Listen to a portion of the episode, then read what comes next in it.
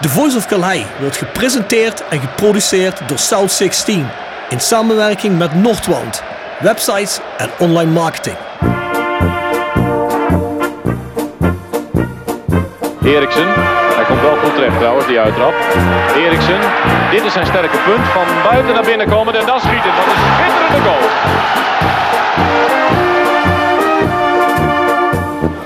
Hansen. Hansen nog steeds. En hij zit erin ook zeg, maar Rempel.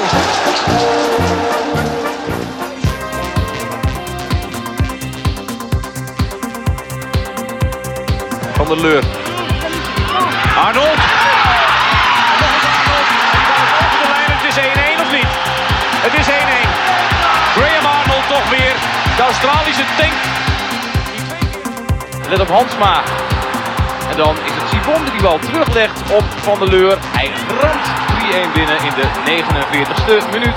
En dan is de wedstrijd verlopen.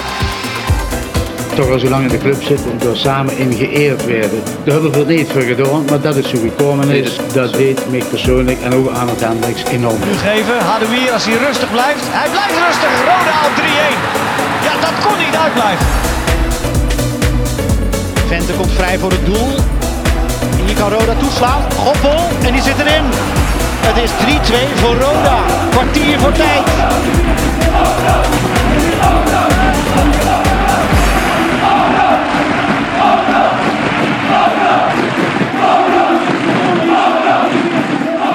Hoi, Amy Absalem hier en je luistert naar The Voice of Calhei. Ja, Bjorn Jegers, aflevering 38, seizoen 3 van The Voice of Calais. In een zonovergoten Heerlen. Weer op een prachtige locatie, denk ik, hè? Ja, heerlijke locatie. Ja? Hier kom je graag, hè? Nou, ik kom hier zo graag, weet je, want in de nabewerking is het fantastisch. Vloerbedekking, eh, veel hout. Ja. Ja, een, een echt advocatenkantoor. Ja.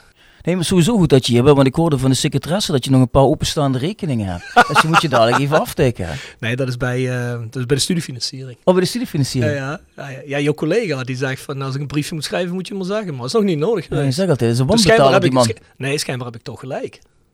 Nou ja, Hè? Schuld wordt je kwijtgescholden na hoeveel jaar? nou, die van jou nooit. dat van jou niet. Nee, maar dat is echt verjaard. Dus eh, wat kan ik dan doen? Niks. Hun ook niet schijnbaar. hey, maar ehm, ja, Bjorn. eh, zoals altijd, mededelingen. Ons kun je natuurlijk beluisteren op Spotify, iTunes, Soundcloud. Overal waar er maar podcast te streamen zijn. En ja, daar kun je eh, je abonneren op onze podcast. Maken wij zo'n mooie reclame voor de podcast van, eh, van de Limburger, de voetbalpodcast. En dan zit die Jimmy Leenders, zit hij in die podcast en dan hoor ik hem zeggen... Ja, ik had het van de week nog erover met twee mannen over Rode JC. En dan denk ik van ja, Slecht, hè? dat is echt slecht. Dan moeten we hem toch nog- eens die van die jas gaan trekken, want dat kan echt niet. Ja, hij zei nog zo mooi tussen neus en lippen doormaken we dan wat reclame, maar niks hè. En dat is niet de eerste keer, want die collega van hem, die, ja, dat ook een keer. Jimmy is bang voor die eh, Fortuna tweets. Ja. Terwijl die jongen heel sympathiek reageerde, toch, van de week. Welke jongen? Danny. Danny FSC op Ja, Twitter, die eh, bedankt ons nog voor de shout-out. Ja, ja, of dat ironisch was, weet ik niet. Maar hè, het was in ieder geval een normale conversatie, dus Ja, waarom niet? niks mis mee. Ja, daarom. De Voice Kort, eh, dat zijn onze nabesprekingen en voorbesprekingen. Met uitgebreide analyses. Eh, vooral de feitenkennis van Jasper Klute en de haarscherpe analyses van Bart Eurlings. Vind je op petje.af, schuine streep naar voren, de Voice of Calais. Dat kost wel iets meer dan een euro om je daarop te abonneren, om die aflevering te luisteren telkens. En zoals ik al zei, je kunt ook op een seizoenskaart abonneren. Er zitten er allerlei andere podcastjes bij. Krijg je een Voice of Calais shirt op een gegeven moment. Maar dat is eigenlijk een volledig andere podcast dan dat we hier doen. Hè? Zou Rode JC nou de enige, of Rode JC, het fangebeuren bij Rode JC, zou dat nou de enige zijn die, ja, behalve de echte grote clubs, die twee verschillende podcasts hebben met volledig andere inhoud? Boah, ik zou geen andere club weten die dat wel heeft. Ja. Vraag me sowieso af. Kijk, hebt wel eh Zittert alleen en van Fortuna, maar die jongens van eh, VVV. VVV hebben er ook twee geloof Ja, twee of drie zelfs. Twee, de teen van Uchebo en, en Venlo Naren. Dus die hebben wel wat meer, maar ik denk dat eh, de rode fan toch niet mag klagen met zoveel Nee, content. dat denk ik ook niet. Dat denk ik ook niet. Als je wil kun je de hele week luisteren. Hey, South16.com is onze website. Daar vind je ook nu weer de Gluk Auf, de Sweet 16, de merch. En eh, ja, die kun je ook trouwens hier in Heerlen krijgen bij Pet Store, Sibal, bij Bluff en nog wat andere locaties. Voor de rest moet ik nog noemen, dat heb ik helemaal vergeten de vorige keer. Fandom en South 16, en dan vooral de sjaals kwamen van Fandom, eh, hebben samen geregeld dat op de kinderafdeling van Zuiderland, waar ook veel eh, patiëntjes liggen die langdurig in het ziekenhuis helaas aanwezig moeten zijn. Toen zei Bas Werry tegen mij, Rob, lijkt het je niet leuk als we samen regelen dat die kinderen hun kamers versierd krijgen met roda sjaals. En dat we dat wat opvrolijken. Nou, dat, eh, dat zijn we gaan afgeven, die sjaals. En ze waren er ontzettend blij mee bij Zuiderland, wordt heel erg enthousiast op gereageerd. Dus ja, dat wil ik toch heel even noemen. Want Bas zegt, ah, ik wil er geen rugbereid aan voor mij. Ik doe het gewoon omdat ik er zin in heb. En uh, nou ja, ik vind dat dat wel een complimentje verdient. En dat hebben we South 16 en Fandom samen geregeld. Dus, uh, Ja, dat is wel een hele mooie actie. ja, zeker. Heel goed van Bas. Ja, zeker, zeker. Hey, dan hebben we nog wij zijn rodec.nl. Grote rode website. Je kunt daar ook weer de man of the match kiezen vanaf de 70ste minuut. Prikbord zit daar. Gonzen al van geruchten voor volgend seizoen of niet, Bjorn? Jij Nee, kijkt is er wat vroeg, hè? Dat is toch geen komkommertijd? We moeten nog beginnen. Als het seizoen is afgelopen, dan komen de geruchten van nieuwe spelers. Also, ik ben benieuwd. Ik ben benieuwd. Welk Maar ook nog er niet wie er gaat. Ja, ik hoorde vandaag eh, Bart Ullings, die gaat ervan uit dat Fluke toch blijft, hè? Zag ik hem in de groepsapp schrijven, hè? Hij Bart probeert me altijd te Ah, trekken. hij wil je een eh, beetje kietelen, hè? Ja, ja, maar ja, goed. Hij kan er gewoon niet tegen dat ik al aan het begin van het seizoen zei dat Patrick Fluke sowieso niet ging blijven. Ah, ja. Tja, ja, wie heeft Ah, er gelijk hij- gekregen? Hij vindt het een beetje moeilijk om te zeggen, sorry, jullie hadden gelijk. Heeft er wat moeite mee, hè? Ah, Is er niet goed in, hè? Nee, is niet goed. Hey, maar eh Emmen uit. Dat is eh, wanneer dit wordt uitgezonden. Of in ieder geval de woensdag ervoor. Wat denk je? Wie wordt dan man of the match? Wie, wie zit er lekker in, denk je? Man of the match? Ja, zijn er een paar die zijn in vorm, hè? Een paar niet.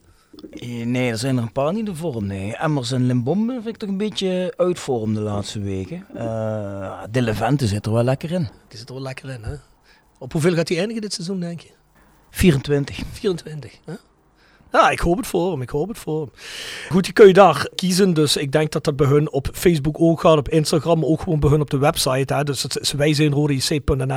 En dan ten laatste hebben we nog het Roda Museum. Daar zit heel veel Roda-historie, eh, een grote shirtverzameling. Er staat van alles, kun je van alles bekijken. Je treft er oudspelers wel eens, hè, die komen kijken naar wat, om oude herinneringen op te halen. Of iets te graven door de verzameling van krantenknipsels en, eh, en video's die er verzameld zijn. Ik wil er een verlengde van trouwens ook heel even de, de voetbalbuur noemen hè, van Jacques Huntjens. Die heeft ook een hele hoop zaken. Die heeft wel geen museum, maar kun je op zijn Facebook ook regelmatig over de voetbalcultuur Oostelijke Mijnstreek lezen. Hè. Jacques gaat er nog een beetje verder in. Hè. Die gaat nog naar Rappetje C en Roda Sport, et cetera, et cetera. Maar Het zijn allemaal mannen die, eh, ja, die houden de cultuur bij en die zorgen ervoor dat het eh, niet vergeten wordt. Dus dat is interessant en ga er kijken. Vers gebrande pinda's. Wordt gepresenteerd door Hotel Restaurant de Veilerhof. Boek een overnachting of ga heerlijk eten in het mooie bergdorpje Veilen. Voor boekingen ga naar www.veilerhof.nl. En Torapi Autodemontage aan de Locht 70. Voor al uw auto-onderdelen en het betere sloopwerk.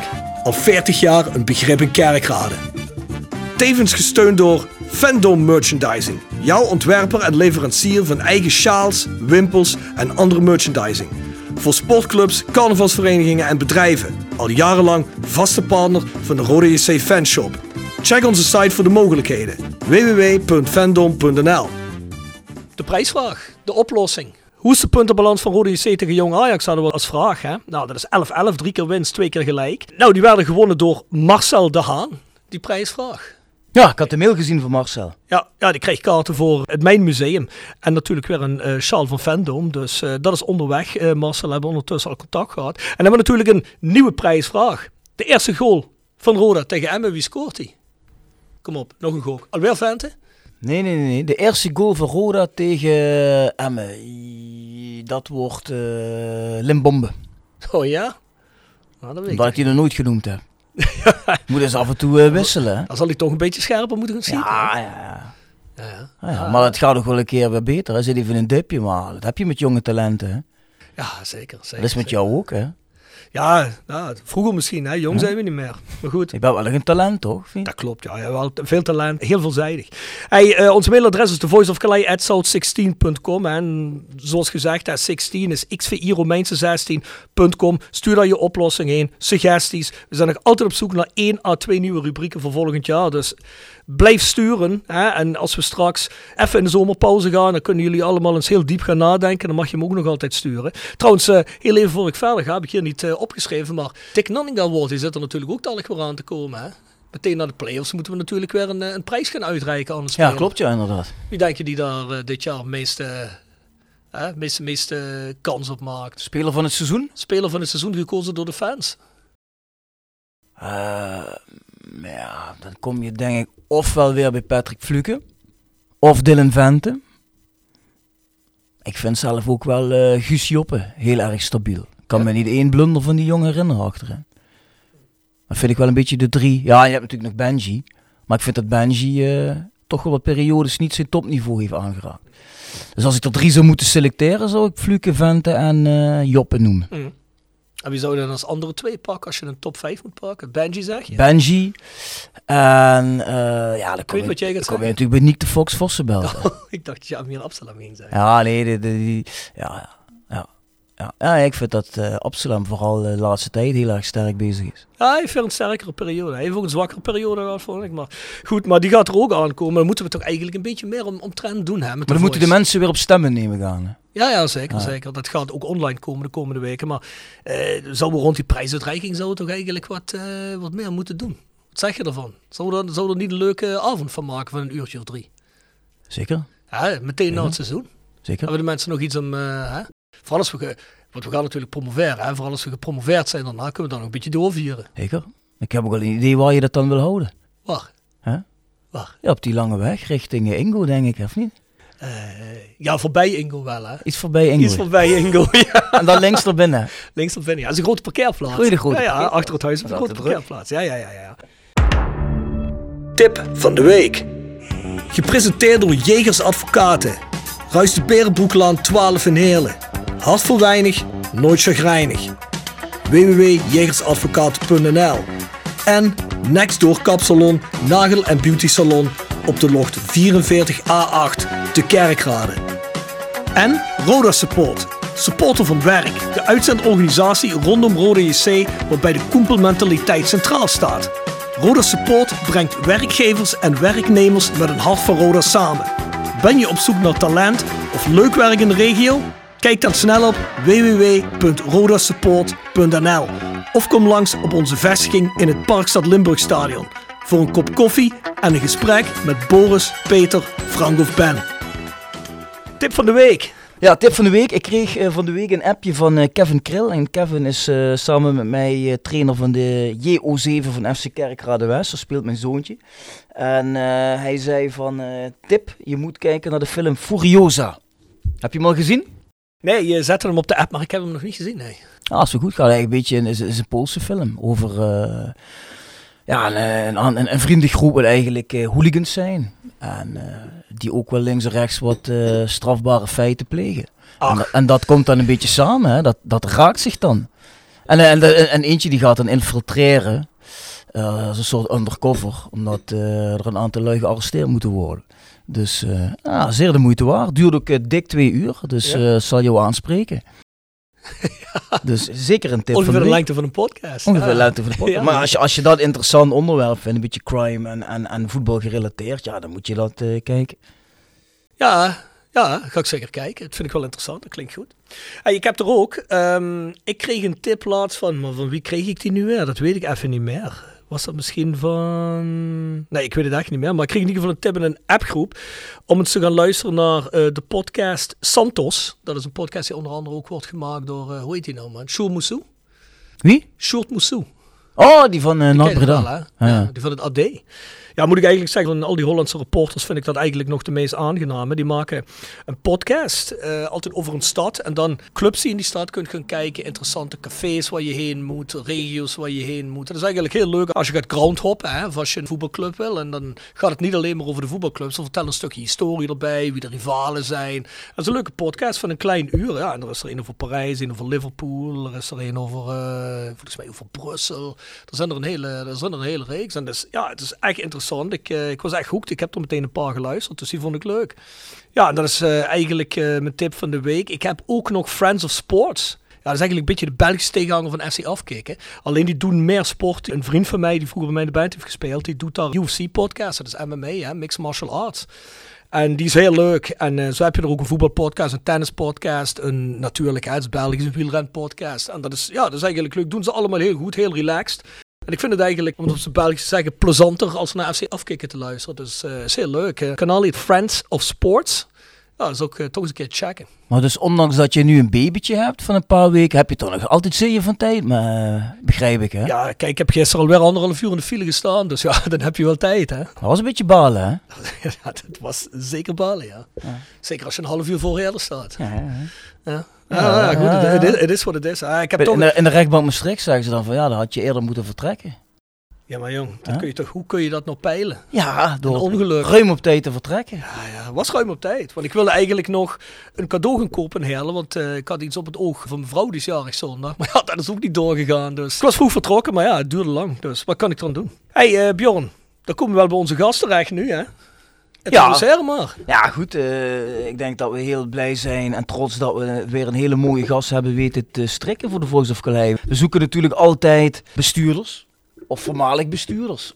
Onder Omdat, andere, ja. om- omdat die mensen natuurlijk ook heel veel te vertellen hebben over de club. Zo zijn we uitgekomen bij Servi Kuijer, voormalig bestuurder van Rode JC. Ja. En daar gaan we dadelijk uitgebreid mee eh, praten, denk ik. Welkom, eh Servi. Dankjewel. Proficiat met de baby. Ja, dankjewel. Ja. Hè? Dankjewel, dankjewel. Jongen, meisje? Jongen, Jongen, oké. Ja. ja. Al lid? Kun je lid worden? Zeker. Is het een vereniging dan? Nee, je hebt gelijk. Je kunt niet lid worden van Roda. Jammer genoeg. Ik hoop dat we er dadelijk nog maar uitkomen. Van de miniclub hè, of de kidsclub eh, kun je lid worden. Ja, Ja, maar de kidsclub bestaat toch niet meer? Jawel, Wel? zeker. Oké, ja, want ik, ik dacht altijd, kijk, in Duitsland maken ze altijd hun kids meteen als fanatiek fan zijn lid van eh, de vereniging. Hè? Want in Duitsland heb je het verenigingsmodel. Hè? Ja. Dat heb je in Nederland volgens mij al lang niet meer. Hè? Of wel? Jammer genoeg niet, maar ik zou er dadelijk nog echt wel even op willen ingaan. Over eh, welk model ik zou zien dat het beste bij een club als Roda zou passen. Ja. Ah, graag. Nou, gaan we je zo meteen in vragen dan. Nou ja, want we, had- we hadden het er van tevoren nog over. Je, bent een aantal eh, periodes bij Rode betrokken geweest. Hè, maar eh, in je beginperiode was het gewoon nog een vereniging nemen gaan. Hè. Dus pas later BV of zo geworden, denk ik. Ja, mijn beginperiode had Roda 60, 70 leden. Wie kon lid worden van Roda? Alleen iemand die echt actief voor de club iets deed. Dus die moest al jaren duidelijk aan de club verbonden zijn. En die zes leden bestonden uit 40 waren ongeveer kerkgaardenaren en eh 20 voornamelijk uit Heerlen. En dan nog wat uit de rest van het park zat. En dat was de leden. En ledenvergaderingen hadden we. En toen ik de eerste keer als voorzitter werd gekozen, of de enige keer als voorzitter moet ik zeggen, want ik ben de tweede keer niet als voorzitter, maar als voorzitter van de Raad van Commissarissen. Dat was door die vereniging, ja. Ja. Prachtig model. Ik heb er nog heimwee na. Ja, Ja, het zou toch schitterend zijn als ze bij Rode zeg je hebt bijvoorbeeld 5, 6, 700 leden. Je hebt zo'n ledenvergadering, die doe je dan in de Rode Hal. En dan heb je dat à la Bayern München style. Dat Mhm. als een, kun je dat voorstellen, dat Martijn Wismans had gezeten en dat dan fans opstaan en beginnen te schreeuwen en alles. En eh, die Uli Heunis die zegt gewoon krijgt de tering, maar dat zie je Martijn Wismans niet doen hè. Eh, ja ik, ik, ik weet welk eh, fragment je bedoelt. Eh, ja, ja, maar ja, dat, dat moet je inderdaad natuurlijk wel bepaalde criteria laten vallen. Als Servé net zegt 60, 70 leden, maar dan denk je van, goh, dat is wel weinig. Maar ja, als je dan Ja, want dat is wat voor moet doen, Want dat is, ja, ja, dan wordt de precies. spoeling dunner. Tuurlijk, als, je, als dat inderdaad het criterium is, ja, hoeveel mensen doen actief iets voor Roda? Dat zou ik ook niet meer het criterium nu Nee. noemen hoor. Maar ik zou ook gaan voor 19.200 leden. Dat is pas interessant. En waarom? Hoeveel mensen gaan er in het stadion? Iets meer als dat, hè? Of Ja, precies dat? 19.250. 250. Ja. Kijk, dat zou interessant zijn. Hè? Mhm. Als je iedere seizoenskaarthouder met een kleine opslag lid zou kunnen maken. En die totale vereniging zou in de club, pak even de functie van de stichting kunnen hebben. Het recht op het gouden aandeel. Met daarbij ook afgeleide vertegenwoordigers in de verschillende gremia van onder andere de BV. Ik denk dat je dan ongelooflijk veel wortels schiet in Parkstad. Want dan heb je echt, als je nou zegt, de club is van ons. Nou, wanneer is die club echt van jou?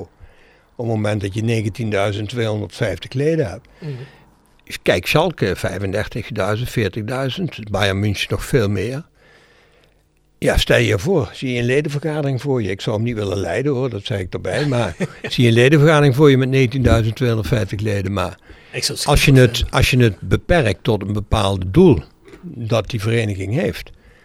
Maar als je nou praat over de club is van us, dan denk ik van op 250.000 mensen in Parkstad. De norm in voetbal is 1 op 17. Mensen zijn uitermate geïnteresseerd in betaald voetbal. Dat is een norm die hebben we ooit in 1991 in een onderzoek van KPMG nog eens laten toetsen. In, eh, in, de, in, de, in Duitsland zie je duidelijk in de kolenpot. Die hebben niet voor niks stadion van 60.000 mensen. Hmm. Die hebben omgevingen van 1 miljoen. En die norm die moet je gewoon vertalen. Dus de norm voor Roda is, zit je op een bepaald niveau van voetbal. Heb je een stadion waar je nu allemaal aan voldoet, infrastructuur goed, dan heb je een rijkwijde van 16.000 toeschouwers in Parkstad. Nou, nog iets erbij. En je hebt een prachtige vereniging. Ja. Wie zegt dan nog van, hij is niet van ons? Ik ben voor. Wie moeten we zijn? Ja, nou, kun je je voorstellen dat Ik denk bij Roger Houdinius. Roger? Op het moment wel, denk ik. Ja. Maar die wil dat niet. Ik denk niet dat ze dat willen, die, eh de Ja, ik heb een paar keer met hem gesproken de afgelopen weken.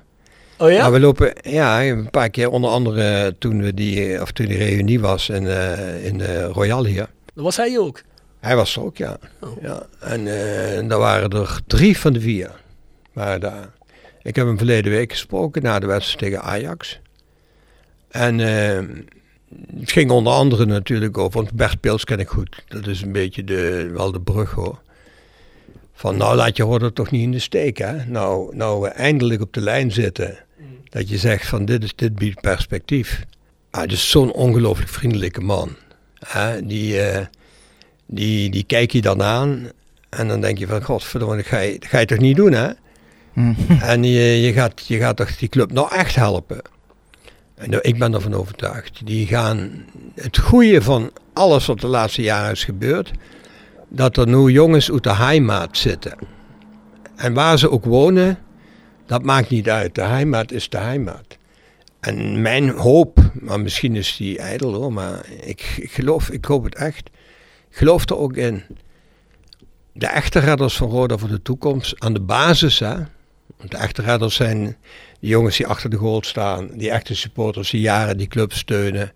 Dat zijn degenen die, die, die de cultuurdragers en de perspectiefdragers zijn. Maar om de club in zijn basis goed te krijgen, zijn dit wel de mannen waar ik echt in geloof. Ja.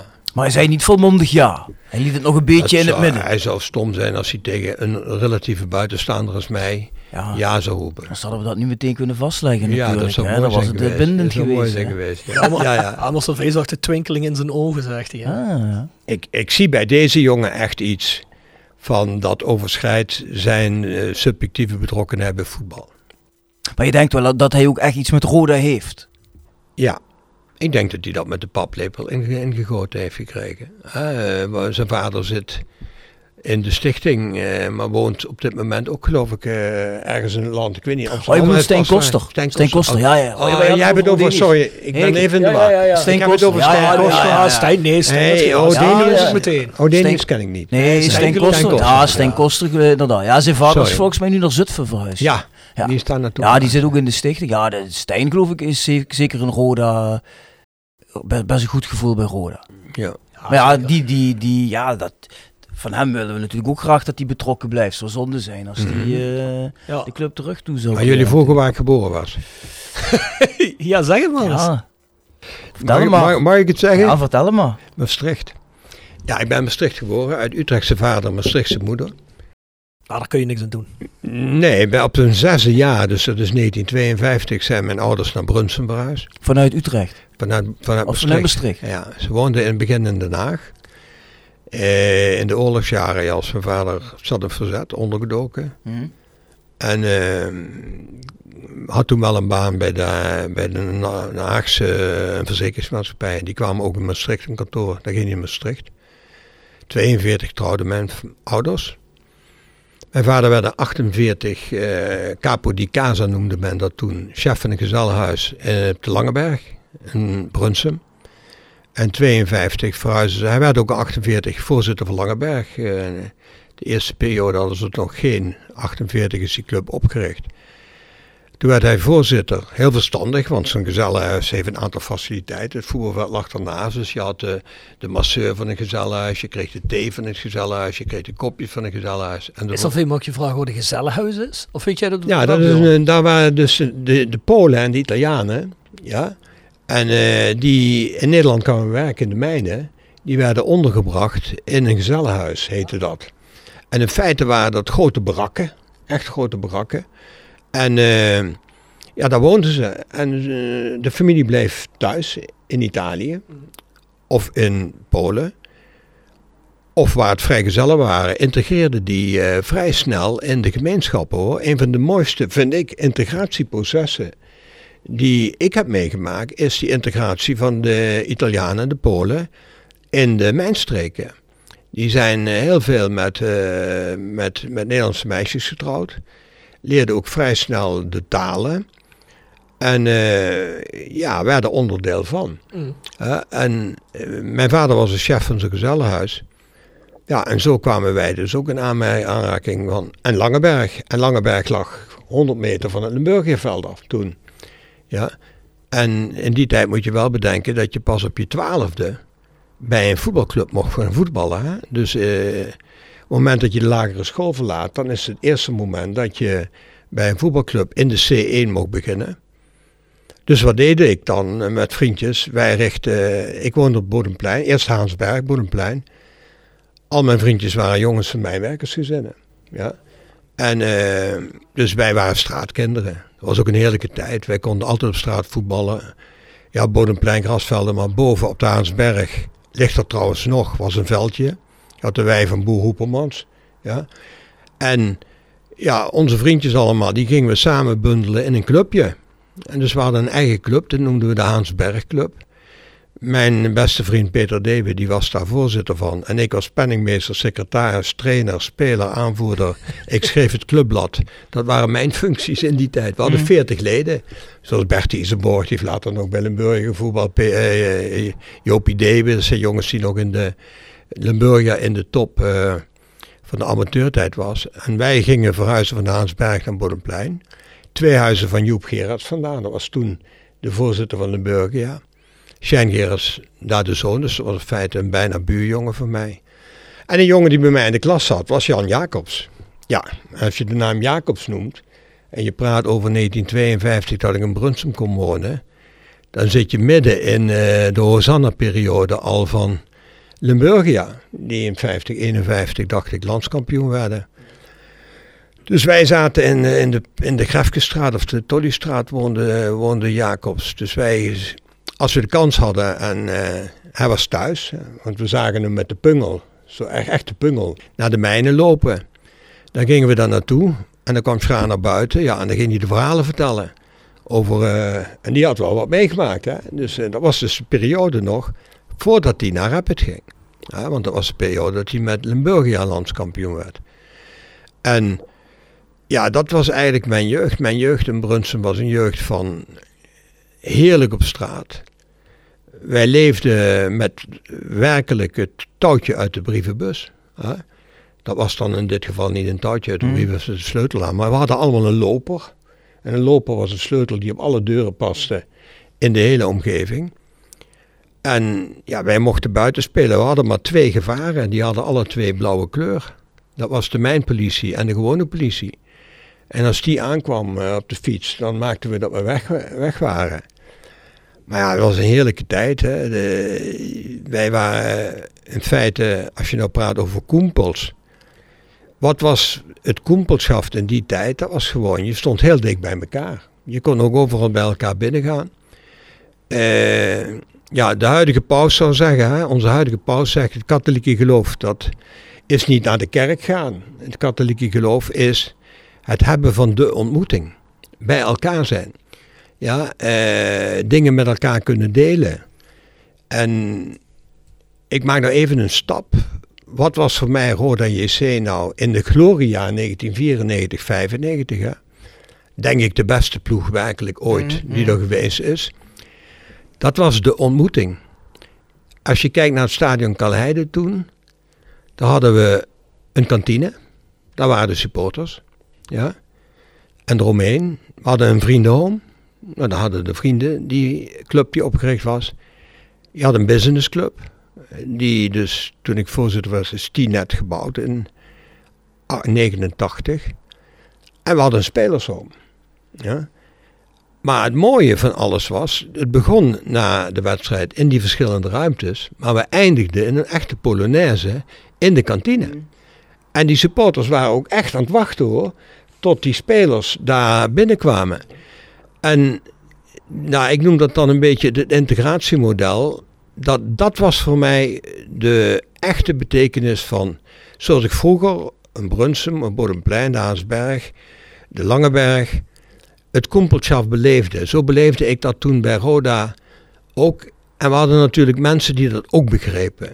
Eh, Jan Reker was een voorbeeld daarvan.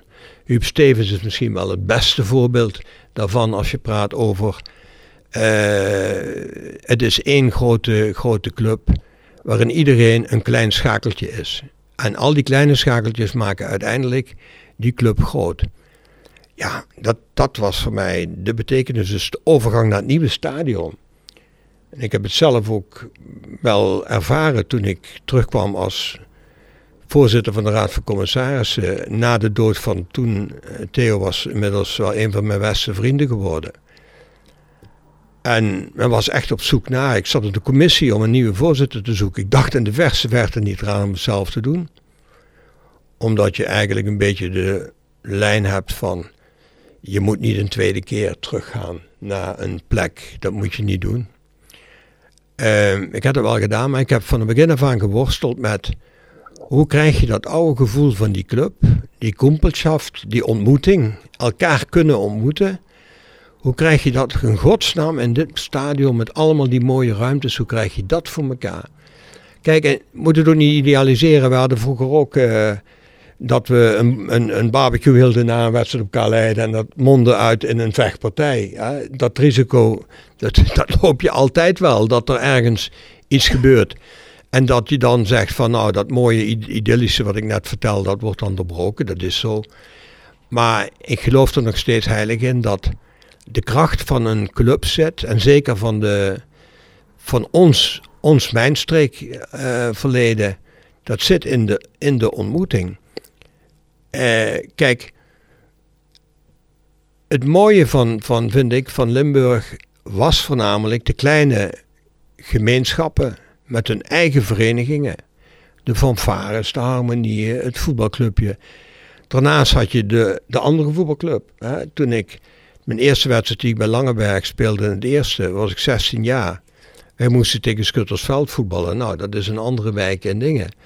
Ik ben één keer in mijn leven eh, van het veld gestuurd. Dat is die wedstrijd geweest. Ja? En uh, ik maakte een trappende beweging, raakte me helemaal niet, maar moest er vanaf. Maar dat waren strijden op leven en dood. Dus los van de 110 dialecten die we in Limburg hebben, hebben we daardoor wel subculturen die ongelooflijk sterk waren, nu wat onder druk staan. Maar hadden als nadeel dat als je over die grenzen van die subcultuur heen gaat, dat het dan moeilijk wordt om iets in samenwerking te, te krijgen. Hè? Hmm. Dat is ook een, een van de dilemma's in bijvoorbeeld Parkstad, wat geweldig goed vooruit gaat, vind ik trouwens. Maar dat je die bruggen van ons, ons grote goed, dat we zo'n mooie subculturen hebben, dat je die dan uh, wat moeilijker beslecht. En ik zou het een geweldig iets vinden als er mensen zouden zijn die erin zouden slagen om die kracht die, die vroegere subculturen hadden, om die nou naar deze tijd te vertalen. Dan moet je ook in deze tijd staan. Hè? Dat moeten mannen, meisjes zijn die, die in de bloei van hun leven zijn, die midden in de maatschappij staan, die zeggen, goh, met onze ideeën zijn wij in staat om dat, dat ontmoetingsmodel, noem ik het dan maar even, om dat, uh, om dat gestalte te geven. Want dat is zo mooi. Hè? Kijk, ik ging bijvoorbeeld als voorzitter uh, of als directeur nooit naar een nederlaag het in. En waarom niet? Kijk, als je zelf gevoetbald hebt, weet je hoe je erbij zit als je verliest. Dan wil je eigenlijk niemand zien. En zeker geen bestuurder. want dat zijn in jouw ogen toch alleen maar bobo's als, als je voetballer bent. Maar als je gewonnen hebt, dat wil iedereen delen. Dus als je gewonnen hebt, dan, dan kun je elkaar ontmoeten overal. En eh, ik, ik schets eigenlijk een beetje een beeld van toen. Niet om te zeggen van, god hoe goed was er toen. Nee, maar om te kijken van, laat nou degene die in die leeftijden zitten van, van die 30 tot 50 jaar. Die zich geroepen voelen om, om iets voor die club te doen. Laat die nou met name kijken naar hoe kunnen we in dat prachtige stadion dat we hebben. Dat is gewoon een fantastisch mooi stadion. Hoe kunnen we die, die, die ontmoetingsgedachte, hoe kunnen we die meer vormgeven? Nog een laatste voorbeeldje.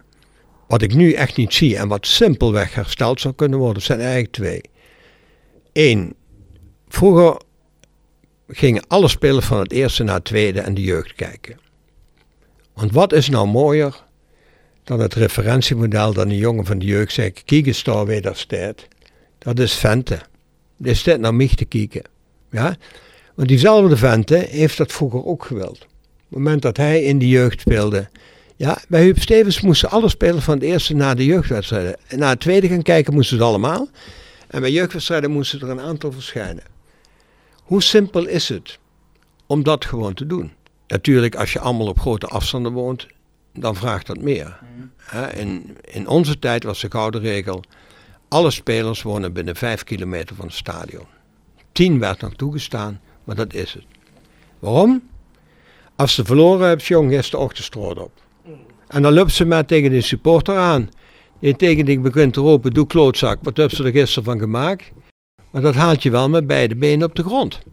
En niet dat je in je auto stapt en dan in de bos rustig door de stad loopt de dag erna. als je gewonnen hebt, mag je die stad ook ingaan en dan mag je gevierd worden. Van top gisteren dingen. Ja. Maar dat zit allemaal in die ontmoetingsgedachte. Daar kom je bij elkaar. Je moet er ook staan als je verloren hebt. Zo is dat. Juist als je verloren hebt. Gepresenteerd door Van Ooyen Glashandel. Sinds 1937 vervangen en repareren wij al uw glas met veel passie en toewijding. Met 24 uur service. www.vanooyen.com En Quick Consulting. Laat finance waarde toevoegen aan je organisatie. We komen graag met je in gesprek om aan de hand van concrete voorbeelden duidelijk te maken hoe we dit ook binnen jouw onderneming kunnen realiseren. Think win-win, think quick. www.quickconsulting.nl Tevens gesteund door Roda Arctic Front. De Voice Kort van de makers van The Voice of Calhei. Na- en voorbesprekingen van elke Roda-wedstrijd, KKD en Roda-nieuws. Stemmen rond de wedstrijd en de column van Jasper. Steun ons en abonneer je nu voor iets meer als een euro. Op petje.af, schuine streep naar voren, The Voice of Calhei. Wat mij nog inviel, even terug naar uh, misschien uh, voordat je bij Roda officieels bestuurder aan de, aan de slag ging. In de jaren 60, 70 kwam je toen als supporter bij Roda. Ja, dat is heel gek hè. Kijk, wij woonden in Brunsum. Hmm. Uh, Limburgia was de naastgelegen club. Dus daar, had je, uh, dat was, daar zag ik de wedstrijden. Oké. Daar lag ik langs de lijn. Hè. Fortuna Limburgia zat ik dus aan de voeten van een aantal internationals. Want dat hmm. was toen zo. Je mocht pal langs de lijn, de grensrechten liepen als het ware over je heen. Maar in de vijftiger jaren, want daar hebben we het over, was Fortuna een club die interessant was door twee dingen. Eén, ze hadden een aantal internationals gekocht. En enkele uit Limburg zelf, zoals Jan Otterman bijvoorbeeld. En speelden heel interessante wedstrijden tegen internationale ploegen. En die werden in feite onder leiding van Giet Joosten. Die was toen de, de grote aannemer die die club gekocht had. Want Fortuna is toen nooit meer geweest dan een gekocht, club, gekocht clubje. Uh, die, daar ging ik dus met mijn broer Robbie gingen wij de fiets naar Geleen naar die wedstrijden kijken. als je in die tijd praat over een wedstrijd Fortuna Botafoga 1958, Brazilië was wereldkampioen geworden. Dan zegt bijna iedereen, die heb ik gezien. Althans, zeg maar in mijn leeftijdscategorie. Nou, daar gingen er maar 18.000 in, dus statistisch kan dat echt niet. Maar ik ging heel veel naar Fortuna toe. Waarom? Omdat ik het prachtig vond om internationals te zien om de medaillon van Van der Hart te kunnen ruiken. Om het, eh, het spel tussen Van der Hart en de Munk te zien. Ja, dat waren voor mij idolen. Hè? Dat is het referentiemachtprincipe. Dat je zegt van ja, dat zijn voorbeelden, daar ga je naartoe. Dat is me altijd bijgebleven, dat je, je wilt de beste van het voetbal zien in Nederland. Maar hoe, hoe ben je dan uiteindelijk bij Rode JC terechtgekomen? Wat ja, is het bruggetje naar Rode dan? Nou, Eén, je volgde gewoon een rappetje natuurlijk. Je volgde gewoon. Hè? Maar het was heel simpel. Eh, een van mijn beste vrienden, ook studiegenoten in Nijmegen, Joop Ploem, was rector van een gymnasium in Rolduc. En Joop Ploem, eh, ook afkomstig uit Brunsum. We zaten in Nijmegen samen in de studententijd, zeg maar, in hetzelfde uh, huis. En ik ging tweede paasdag en paaszaterdag naar Roda toe. Vergeet even niet, die twee wedstrijden verloren ze alle twee. Ik meen, ik weet zeker te weten, één is van Sparta, de andere weet ik even niet. Waardoor Roda acuut een degradatiegevaar kwam, want vlak daarna speelden ze de bekerfinale tegen PSV in Tilburg. Ja? En daar zei Joop Ploem tegen mij, zei, we zegt god, eh, heb jij geen zin om, om wat in voetbal te doen? Je bent afgestudeerd als jurist, je bent afgestudeerd op een voetbalpakket, een jaar in de tuchtcommissie gezeten. Dus nu, uh, 2000, 50 jaar geleden, kreeg ik mijn eerste functie als juridische uh, man in de commissie over de herijking van het transfersysteem met Max Schiepels en Paul Boels. Zodanig ben ik nog de langzittende bestuurder. Geen compliment hoor, maar het is gewoon zo. En uh, toen, nou, toen zei ik, dat vind ik wel interessant. Nou, twee maanden later, vlak na de EK, denk ik is het toen wij in 88 die EK wonnen. Toen belde Joop Ploem op en zei goh, ze hebben mij gevraagd voor bestuur van Roda. Vind jij dat ook niet interessant? En ik ben iemand, ik zeg meteen vanuit mijn hart, ja of nee. Dus ik zeg, oh joh, dat vind ik geweldig. Dat vind ik geweldig. Dus we gingen praten met het restant dat er nog zat na het bestuur van Jensen. Dat er toen gekomen is na die zwartgeldaffaire. En dat was uh, de Fesh, was toen de penningmeester. En er zat Tiemann in, er zat Hodiamond in, er zat Van in. En dat was nog het restant dat in het bestuur zat. En Joop Ploem en ik hadden een gesprek. En ik was toen directeur personele organisatie hier bij de gemeente Heerlen. Dat is 42 jaar. Ik had gevoetbald. Ik ging ook nog van Langeberg naar Fortuna jeugdselectie. Dat moet ik even erbij vertellen. Hè. In de jaar dat Cruijff in de Ajax-selectie speelde, dat Wim Jansen in de Feyenoord-selectie speelde, Van Dalen in de Feyenoord-selectie speelde, Wijngaarden, Dick Advocaat bij uh, FC Den Haag, ADO speelde. En ging daarna naar NEC voetballen. En toen kwam ik tegen het plafond aan. De tweede elfte van NEC was een beetje mijn, uh, mijn top. En daarna ben ik gewoon aan de voetbal bij Kweek Nijmegen op de top amateur gebleven. Maar ik, voetbal was voor mij iets, dat, dat zat er gewoon helemaal in. En uh, ik heb er ook altijd over nagedacht. Wat ik, uh, wat ik van voetbal vond en wat ik van organisatie vond. En ja, dus zo hadden we dat gesprek. En meteen na het gesprek komt de vest naar mij toe en zegt hij, wil jij niet voorzitter worden? Ik dacht, hè? We hebben een drie kwartier met elkaar gepraat hier. En meteen voorzitter? En meteen voorzitter. Ik zeg, ah, meneer de Vestje, ik ben helemaal geen voorzitter. Hij zei, een voorzitter ben je niet, die word je. Daar had hij ook gelijk in. Je bent geen aanvoerder, je bent geen uh, topper, dat word je. Je bent geen DSM, dat word je. Uh, je bent geen rode man, dat word je dat, dat, dat, dat had hij goed gezien. Ja, en zo kwamen uiteindelijk, eh, binnen de kortste keren, werd, uh, werd ik door Hans Curver gebeld. En die zei, Serve, zegt hij, die ik overigens als trainer nog bij Langeberg had gehad. Ja? Die zei, Serve, zegt hij, uh, wat ga je nou doen? Wil je nou voorzitter worden of wil je secretaris worden? Ik zeg, Hans, ik wil geen uh, voorzitter worden. Ik wil, ik wil secretaris worden. Ja, maar waarom dan? Ik zeg, omdat ik ben afgestudeerd jurist. Ik heb over voetbaltuchtrechten, de arbeidsrechtelijke positie van voetballer, voetballer mijn scriptie geschreven. Ik ben geïnteresseerd in de contracten van die voetballers. Daar ben ik in geïnteresseerd. Dus ik wil de juridische kant van de club wil ik doen. En die club heeft een recent historie met zwart geld. Nou, dan betekent gewoon dat je met name aan die kant van de club moet zorgen dat je de zaken goed voor elkaar hebt. Ja. ja. Nou, uiteindelijk een week daarna was ik voorzitter, eh, secretaris ad interim. En uh, toen kreeg ik de opdracht om een nieuw bestuur te formeren. En toen heb ik Joop Ploem erbij gepakt. En die was toen nog niet, men had hem nog niet gezegd van Belgrade, jij bestuurt het En toen heb ik met Joop Ploem een beleidsplan geschreven. De, eh, de bal is rond en beleid is vierkant heette dat. En toen zijn we de, de bestuursleden gaan zoeken. Nou, ik had geluk. Ik was één week voorzitter, speelden we thuis tegen Gimeresh. Ja, 1-0 wonnen we. En toen moesten we uit naar Gimeresh toe. Toen kreeg ik ineens, kwam ik in aanraking met een hele slot van, van, uh, van uh, sponsors die meegingen. Nou, daar ontmoette ik voor de eerste keer uh, Theo Piquet, Machamino, Arnold Hendricks.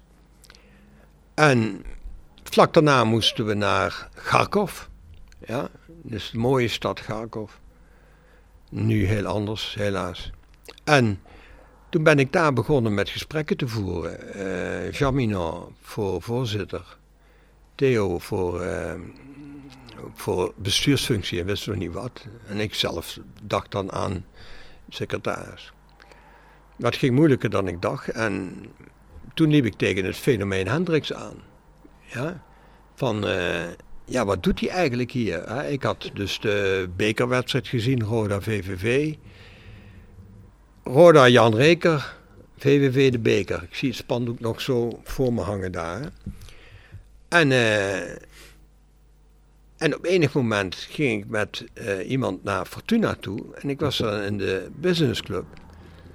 En hij zei, god, daar staat Nol Hendricks. Kom, we gaan er eens even naartoe. En ik hoor dan voor de eerste keer Nol Hendricks. Die praten in de sfeer van... Als dat bestuur niet dat doet en als ze niet zus doen, als ze niet zo doen... Dat ik aan die man die bij was wat doet hij eigenlijk met die club?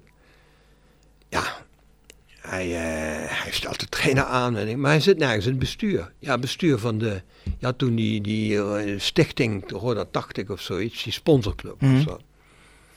En toen maakte ik Nol Hendricks voor de eerste keer mee. Nou, dus ik ging ook op zoek naar Nol Hendricks om met hem te praten. En ik zei, eh, God, u zit, u bent heel belangrijk in de club, maar u zit niet in bestuur. Ik zeg, dat moeten we echt gaan veranderen. Ik zei, je moet in bestuur komen. En eh Nol en ik zijn nooit vrienden van elkaar geweest tot het moment dat ik bij Roda wegging. Dus toen werden wij echt vrienden. En Was je het er wel mee eens dat hij in het bestuur moest komen? ongaarne. Hij zag, eh, kijk, wij konden hem uitleggen dat het niet anders kon. Ja, dat hij in het bestuur moest komen. Maar ik moet ook zeggen, wij zagen ook wel een unieke kans. Van een man die zo eager is om iets te doen in voetbal. Hij had zelf derde van Hexenberg of zoiets gespeeld. Had nooit, nooit echt voetbal. Een aardige tennisser had ik begrepen. Die zo eager is financiën heeft, geld heeft. En wat ontzettend belangrijk was, er was een man die gewoon vijf wedstrijden per week wilde zien. Ja, en als je in voetbal iets wil betekenen, dan moet je een netwerk kunnen opbouwen. En dat betekent dat je gewoon op heel veel plaatsen zichtbaar moet zijn. Nou, toen ik met hem ging praten, zei ik van ja, Roda komt uit een recente historie met zwart geldaffaire. Ik heb geen verstand van financiën. Ik wil wel eerst weten hoe zit die club erbij. En ik heb gehoord dat u nogal wat geld aan de club geleend heeft. Of geschonken heeft. Ik zeg, er zijn twee stromingen. De ene roept geschonken, de andere zegt geleend. Nou zegt hij, ik ga je wel een overzicht geven. En dit is eigenlijk een kleine anekdote op zich. Hè? Dus we zitten bij het tweede after te kijken van Roda. Hij zit naast me. En ik had hem al talloze keer gevraagd, meneer Hendricks, hebt u nou dat eh, papiertje niet? Hè, die over... Ja, zit hij uiteindelijk onder een wedstrijd. Ik heb het. kreeg ik twee A4'tjes. Ik vind het zo jammer dat ik ze nooit bewaard heb. Met doorzichtige plakband aan elkaar geplakt. Ik ga naar de toilet toe in het oude Kaalheide stadion. Kun je je voorstellen, die catacombe daar beneden. Ik ga op het toilet zitten en ik zit echt op het toilet. Vol spanning naar het papiertje te kijken. Nou, mijn financiën reikt in ieder geval zo ver dat ik naar rechts beneden moest kijken. En daar stond inderdaad een bedrag van 7,6 miljoen gulden aan schuld aan Hendricks. Dus ik schoot er zo snel doorheen en ik dacht bij mezelf van ja, dat kan ik verklaren, dat, kan ik, dat lijkt me vreemd. Zo, dat, dat, dat zou iemand van jullie, als hij daar naar kijkt, ook, ook zien. Hè? Als je daar eh, met weinig kennis van zaken ziet, makelaarskosten, dan gaat het lampje gaat branden, hè? dat soort dingen.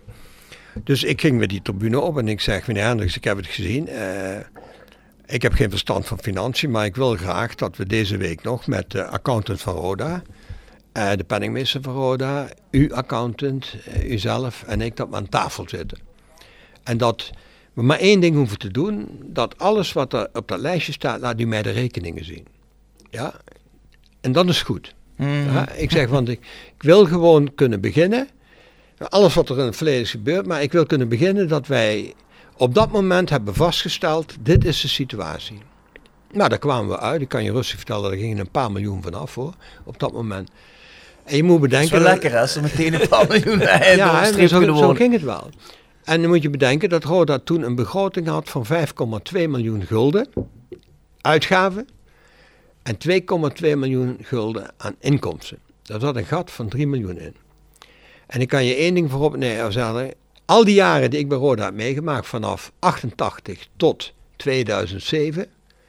Want naast dat ik voorzitter werd, algemeen directeur werd, weer voorzitter Raad van Commissaris, heb ik ook altijd in een stichting administratiekantoor gezeten. Dus, maar dat is een bestuurlijke functie helemaal op afstand. Dat Roda altijd 3 miljoen tekort heeft gehad. En de kracht van die 3 waar zat nou de kracht in? Ik heb er ook uh, voetbalartikelen over geschreven en een beetje in een boek uh, verwerkt. Uh, dat was wat ik noemde, we gingen van een vierwieler naar een driewieler terug. 1 juli 2007, ja, of 2006, veranderde de KNVB zijn financiële systeem. En dat hield in dat je de financiën van de club moest lopen over het boekjaar. En dat betekende ook dat als jij 2 juli een speler verkocht hebt, hè, voor X, dan moet die komen op het nieuwe boekjaar. Terwijl het systeem van Roda eigenlijk was, en de kracht van Arnold was, dat wij de tekorten altijd dekten uit de revenue aan transfers. Mhm, mhm. Hè? Arnold Hendricks heeft tussen 1988 en 2000, mind my words, de grootste man in de geschiedenis van Roda. De meest belangrijke man in de geschiedenis van Roda. Als je in ieder geval resultaat wil koppelen aan financiën, risico lopen en inhoudelijke inbreng die de man had. Hè? Dat is een unieke combinatie geweest. Waar wij het voorrecht hebben gehad dat we met die man, hoe moeilijk hij ook was, hebben mogen werken. Maar die man die kocht in feite voor 25 miljoen in en verkocht voor 100 miljoen. Er zat 75 miljoen tussen. En hij kreeg de wettelijke rente. Dat was het enige dat hij kreeg. De wettelijke rente. De rest was verroden. En de rest allemaal om de gaten te dichten. En om een stuk speelruimte te kunnen hebben om wat te doen.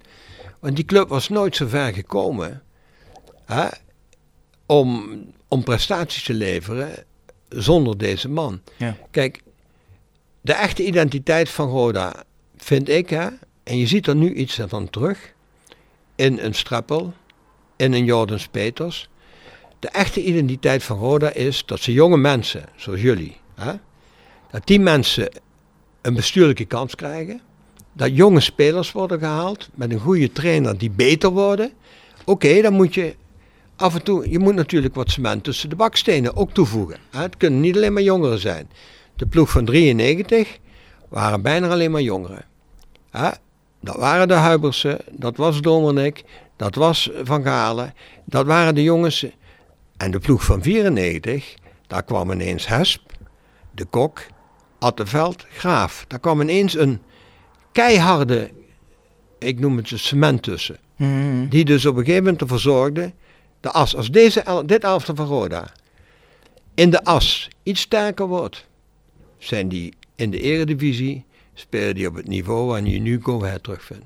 Zo, meen ik serieus, hè? zo weinig verschil. Er zit zoveel al kwaliteit nu in die ploeg. Hè? Natuurlijk met risico dat wat je zegt, Fluke, gaat hij weg, gaat hij niet weg. Ja? Maar er zit nu al zoveel kwaliteit in die ploeg, dat als jij een paar spelers zou kunnen halen, en die kun je halen als je promoveert, dan zou je het kunnen doen. Nou, terug naar Arnold. Wij kregen dus toen, we hadden dat systeem dat we die spelers die we verkochten konden verrekenen met het resultaat van afgelopen jaar. Tot die wijziging in die reglementen kwam.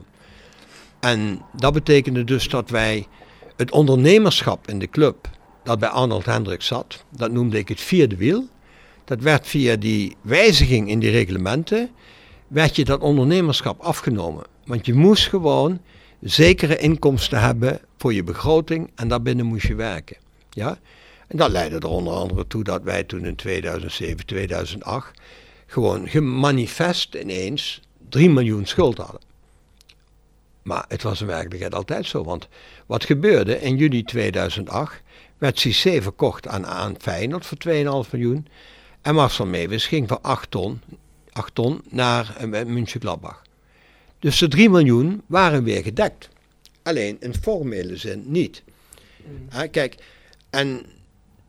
Wat, had- wat had dat voor gevolgen dan? Dat je bij de KNVB problemen kreeg Ja, voor je licenties? Ja, dat betekende dus gewoon dat je beperkt werd de kracht van Roda in die tijd was dat wij uitgaven konden doen waar we de inkomsten nog niet van hadden. Dat is wel een start systeem dan, hè, of niet?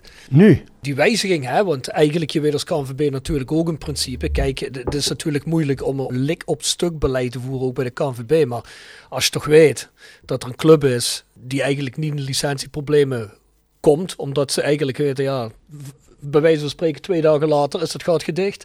Dat is Ja. toch eigenlijk een, een, een, een, eh, ja, ja, weet je, dus eh, ik, ik ben dat niet helemaal met je eens. Want als ik van de buitenkant zou kijken van de KNVB uit, dan zeg ik van, ja wacht even, dat systeem van Roda dat staat en valt met één man.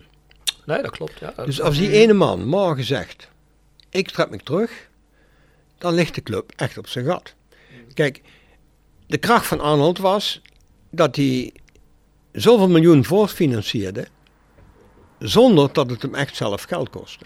Triestheid van, van eh, eh, hoe heet die, eh, onze huidige geld, eh, man die 20 miljoen, Frits, Frits Frits, Schroef.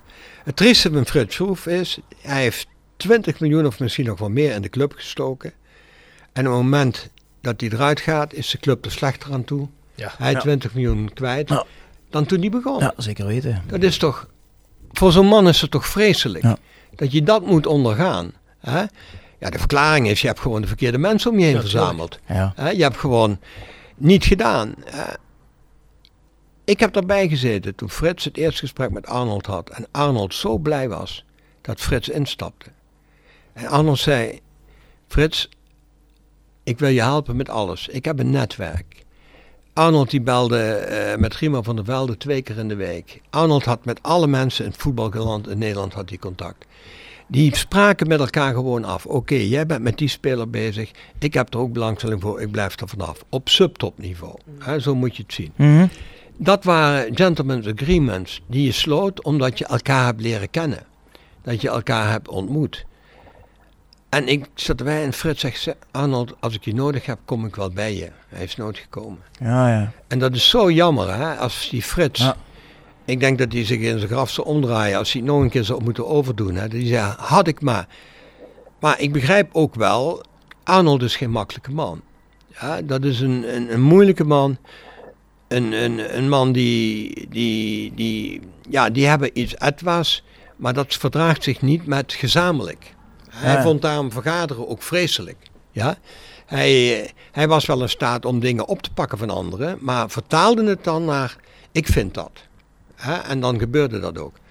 Maar nogmaals, dat heeft de club wel op een niveau gebracht dat de club nooit zou hebben bereikt als hij niet, was niet een voetbalkenner, hè? waar velen van zeggen, Arnold had een ongelooflijke, eh, kijk, hij ging vier, vijf wedstrijden per week bezoeken. En keek naar wedstrijden. En hij zag dingen waarvan ik ook op bepaalde momenten zei, ja, en anderen die meer verstand van voetbal hebben, zei ik, god dat jij dat ziet. Voorbeeld, wij gaan naar VVV Haarlem. Bij ons is Huub Stevens, bij ons is Hans Curver, ja, ik ben erbij, Bob Jong is erbij en Arnold is erbij. Een draak van een wedstrijd, vreselijk slecht vel, 0-0. Na afloop, wij zeggen allemaal, we zijn hier voor niks gekomen. Helemaal niet, zegt hij. Hebben de slechtste speler, zegt hij, gaan we halen. De slechtste speler, zegt hij, gaan we halen. En weet je wie het was? Vergalen? Ja. Bij Haarlem natuurlijk. Halen hem. Kijk, en dan denk je, godverdomme Arnold, hè. Hoe is het mogelijk dat jij dat ziet?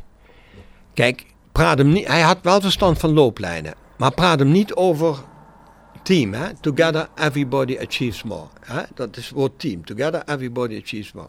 En Duits is het tol een ander macht. Dat is het delegatieprincipe. Hè? In voetbal is het, of in een team is het altijd samen hè, is het de drie musketiers, één voor alle, alle voor één.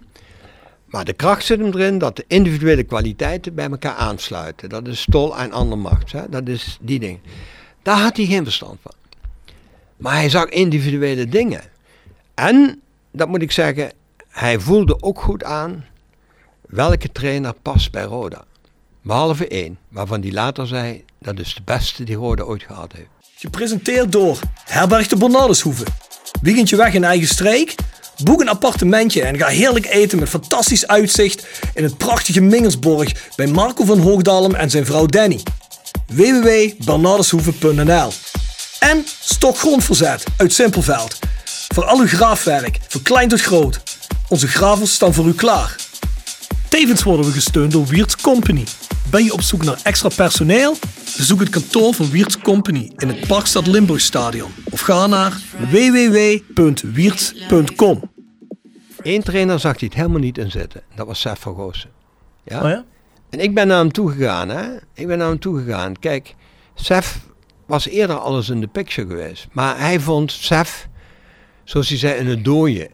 Die zit langs de lijn, die beweegt niet. Hij moest... Arnold was Met een pit. rode, dat is pit. Ja, Dominic, dat is een goeie. Dat, is, dat heeft gewoon pit. Een... En ik zei Arnold... Dus ik was weg bij de club toen, hè, want we hebben het over eh, 1998, denk ik, in die orde vergroten, of 99 misschien. Ik zeg, Arnold, je, je, de club is gek op dit moment, is dolgedraaid. Je moet een rustpunt krijgen in die club. Ga nou Sef halen.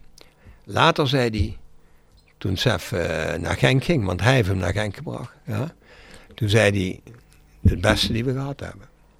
En dat was totaal anders dan wat zijn stijl was. Maar hoe ging hij er dan eh, mee om dat hij zeg maar, door de veranderde regelgeving niet meer kon werken zoals hij dat voorheen gewend was? en in feite gebeurde er iets heel geks. Dat toen Roda de nieuwe structuur koos, die dus onder leiding van Theo tot stand kwam. Hè. Theo wilde, dat was ook heel begrijpelijk, hè, want in Nederland ging die BV-structuur, NV-structuur, die ging gewoon overal plaatsvinden. Ja.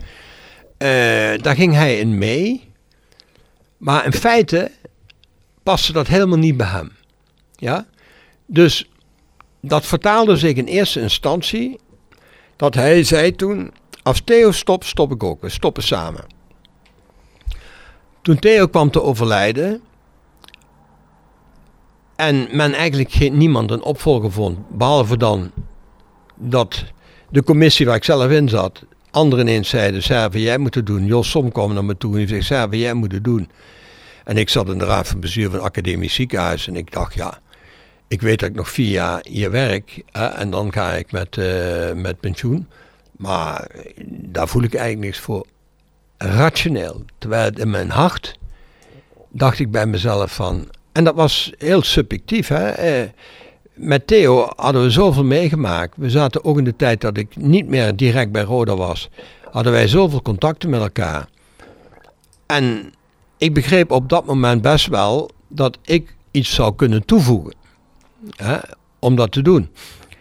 Maar ik merkte bij Arnold toen ook eh, dat hij steeds verder afdreef van de club. Dat hij het niet meer het gevoel had, en dat had mede te maken met ook die wijzigingen die zich toch in de lucht al hingen. Hè. Ze waren er nog niet, maar dat er steeds meer gekeken werd naar investors in, in het land. Hè. En eh, hoe ga je ermee om? Dat hij, dat hij, hij was heel blij dat ik kwam. Dat vond hij fantastisch dat ik kwam.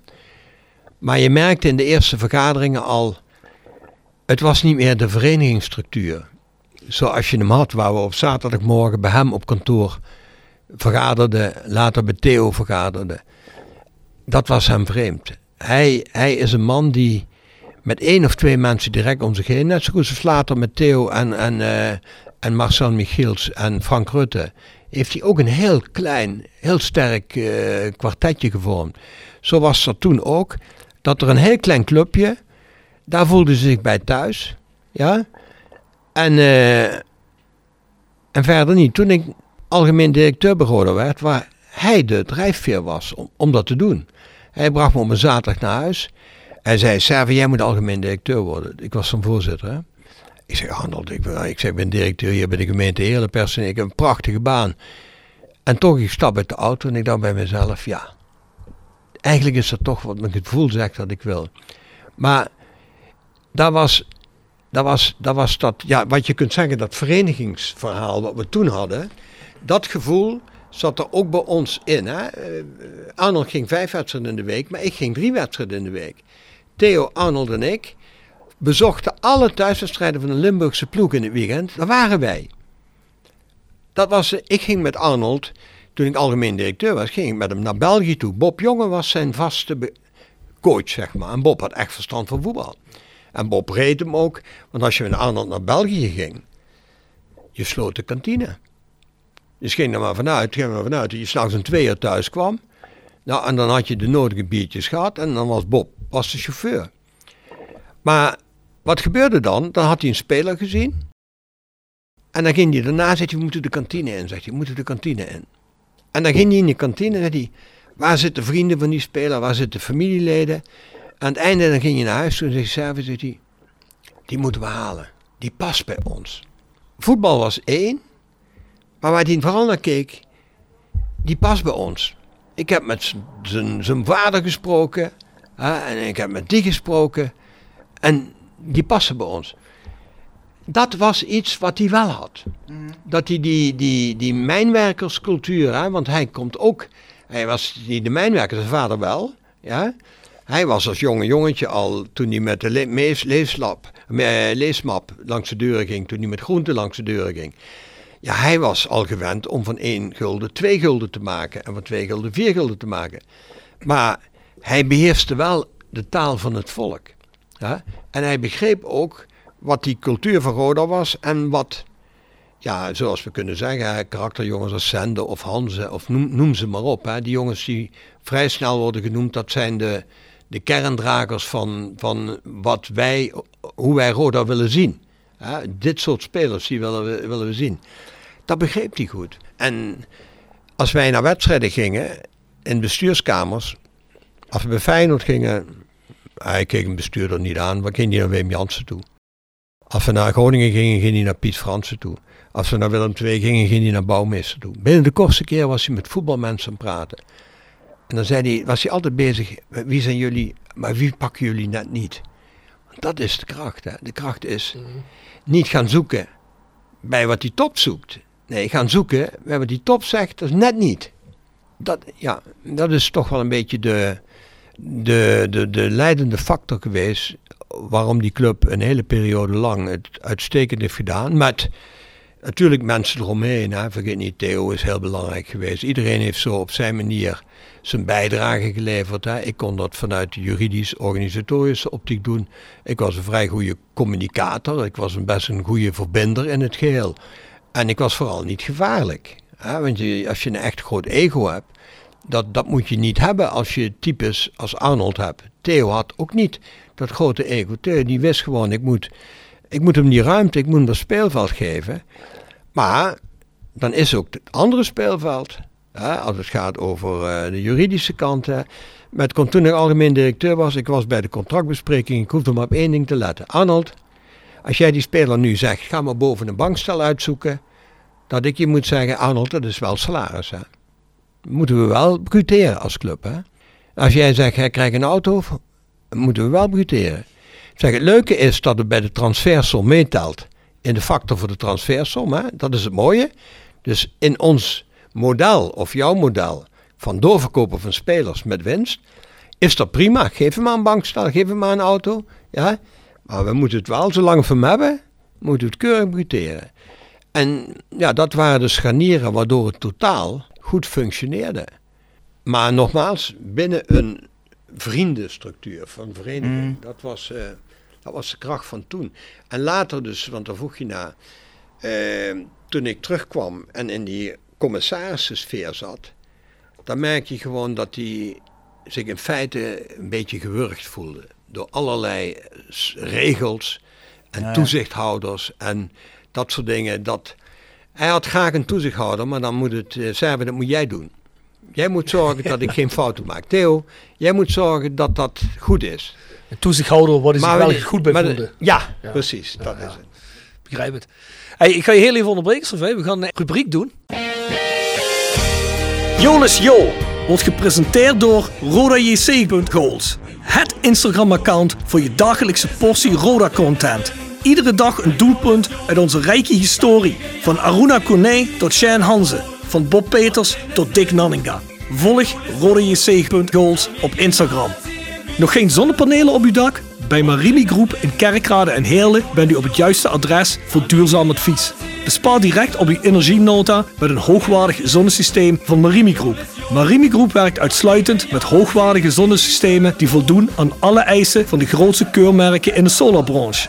Kijk op marimi-groep.nl en maak een vrijblijvende afspraak voor professioneel advies op maat.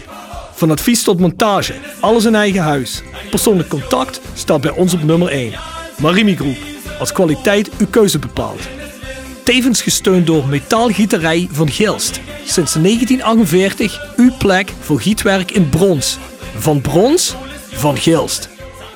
Je meest memorabele Roda goal. Je hebt er vast in al die Oh jaren. ja, ja, ik heb er. Ja, ik vind wel als ik. Want ik heb erover mogen nadenken. Ik vind dat ik dan drie dingen moet doen. Eén, de meest memorabele, memorabele competitiegoal. De meest memorabele bekergoal. En de meest memorabele internationale niveau. In Europa Cup verband. Dat zou ik dan zeggen. Nou, in competitieverband is het voor mij die van Gerry Zender tegen AZ. Dus eind 2002. Die voorzet die eh, bij de tweede paal eh, binnenvalt. Ja. Eh, onbedoelde, onbedoelde voorzet, ja, die er helemaal inviel. 5-1 of 5-0. 5-1 geloof ik was de uitslag van die wedstrijd. Die voor mij om twee, twee dingen memorabel. Dat is één, eh, die goal. Ik hoorde hem op de radio. Dus dat vond ik wel eh, op de radio ineens van een, geweldig doelpunt. En ik denk dat het ongeveer tien dagen voor de dood van Theo was. En Theo is gestorven in december 2003. En ik denk dus dat hij ergens eind, in november, eind november 2003, eh, dacht ik die viel. Dus, en ik wist toen dat met Theo het al heel slecht ging. Dus die, die, die combinatie maakt hem voor mij tot het meest memorabele. De beker is het eh, de wedstrijd tegen Vitesse.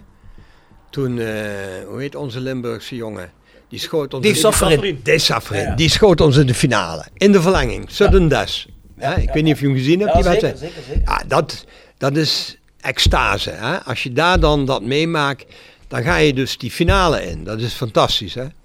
Nou, dan de meest eh, memorabele in Europees verband is de terugspeelbal van Boerenbach tegen Skredet Sofia. Toen we met 2-0 voor stonden, ik denk 12 minuten voor tijd of 10 minuten, ik weet niet hoe lang. En Stoikov die maakt gewoon 2-1. En daarna komt het drama van de penalty schieten. En we kennen het verhaal, Boerenbach meer Hadden ze Boerenbach daar een penalty moeten laten nemen, ventje? Nee, Nee, vind ik ook. nee. Vind ik, vind, ik, vind ik absoluut niet. Nee, maar hij was natuurlijk wel de specialist op dat moment. Hè. Ja, Ja, maar ja, als je tien minuten ook. voor tijd eigenlijk de volgende ronde hebt weggegeven. En die jongen die zat echt wel stuk op dat moment. Dan kan ik me nog herinneren hoe jong dat ik was. Maar dat, dat, had je, dat moet je niet doen, vind ik. En dan moet je Nee, bedenken. natuurlijk. Maar ja, ja, als hij hem opwijst misschien, hè, dat weet je niet. Dat kan je me niet voor de geest halen. Misschien weet Sylvie dat nog. Ja, hij, heeft hij, hem hij niet was, hij was gewoon de penalty. Hij was de penalty maar kijk, in die situatie had ik een balloon laten nemen. Eh, dan denk ik van, ja, als je nou één no-nonsense speler in je elftal hebt, die gewoon overal scheid aan heeft, dan was het John Balloon. Ja, ja, tuurlijk. Ja. En hè, want Boerenbach speelde zijn beste wedstrijd ooit, die ik gezien heb van hem. Ja. En dan te bedenken dat Stoikov, Penev, Kostadinov de volgende vormden. De volgende wedstrijd, de loting Barcelona was.